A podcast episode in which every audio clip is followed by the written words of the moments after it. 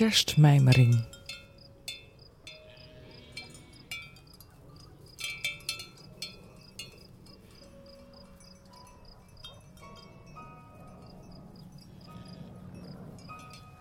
Niemand mag met kerst alleen zijn. Ook dit jaar is deze slogan weer van de partij. Dat is ongetwijfeld uh, goed bedoeld, want de man van deze beroemde liefdeshow is warm en heel erg aardig. Maar toch krimp ik iedere keer in elkaar als, die, als ik die uitroep hoor. Niemand mag met kerst alleen zijn. Gaan we dreigen, grom ik altijd terug. Voor mij klinkt zo'n zelfbedacht kerstgebod net zo verschrikkelijk als de vraag: wat doen we met moeder? Misschien ben ik hier een klein beetje extreem in, maar laten we voor de kerstgrap eens onderzoeken wat mij mankeert.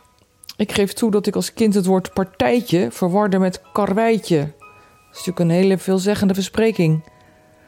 Natuurlijk heb ik me vervolgens net als iedereen moeten aanpassen aan de heersende mores. Maar juist op feesten en partijen voelde ik me eenzamer dan ooit. Ik verlangde naar nabijheid. Zo erg zelfs dat ik geprobeerd heb daar mijn vak van te maken. In verwondering, in een karige boshut, die veel weg heeft van de stal trouwens.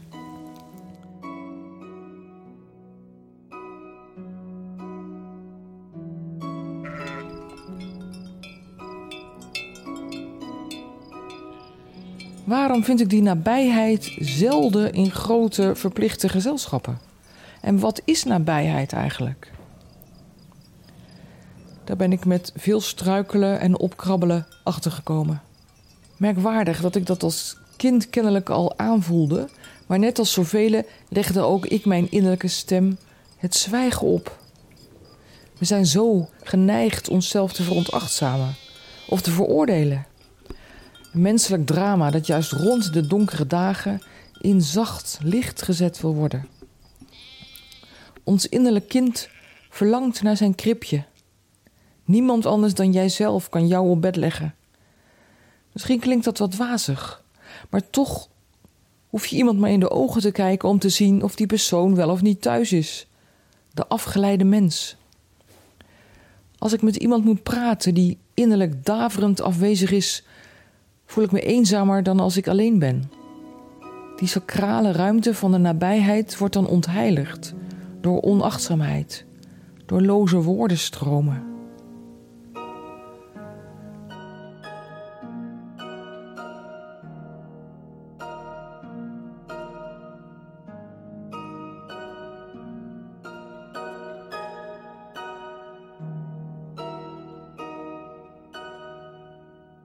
Vaak hebben we de neiging afleiding en gezelschap te zoeken.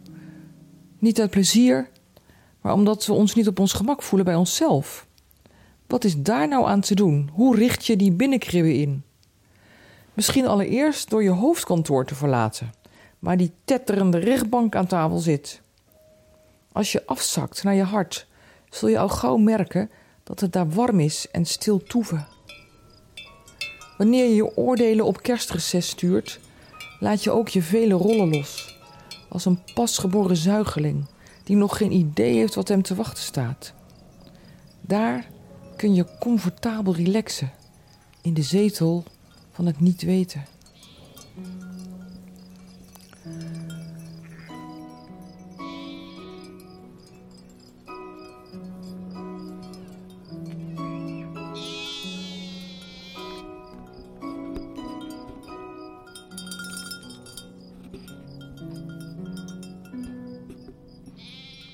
Merk je eenmaal dat je best leuk gezelschap bent voor jezelf, dan ontdek je misschien dat je bestemming is om eigenwijs te zijn. Ook dat kleine ventje in die voederbak was in de wieg gelegd om zijn eigen pad te zoeken. Op zijn twaalfde bleek het al een weglopertje te zijn. Hij trok zich weinig aan van de afspraken en de regels die anderen bedacht hadden. Het is niet vreemd dus dat in zijn volwassen jaren de stilte van de woestijn zo lonkte. In die woestijnleegte blijkt er iets wonderlijks te gebeuren. Juist de mensen met wie ik me het meest verbonden voel, hoef ik niet regelmatig te zien. Dat is een grote troost, nu steeds meer geliefden om me heen sterven.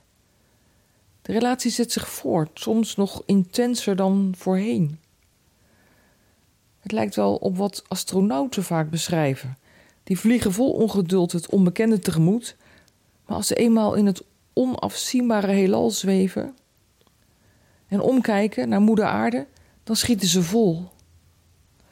Echte verbinding ontstaat kennelijk pas als je jezelf onder de arm genomen hebt.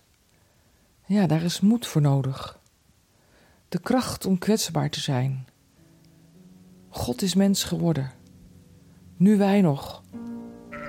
Dat vieren we met kerst.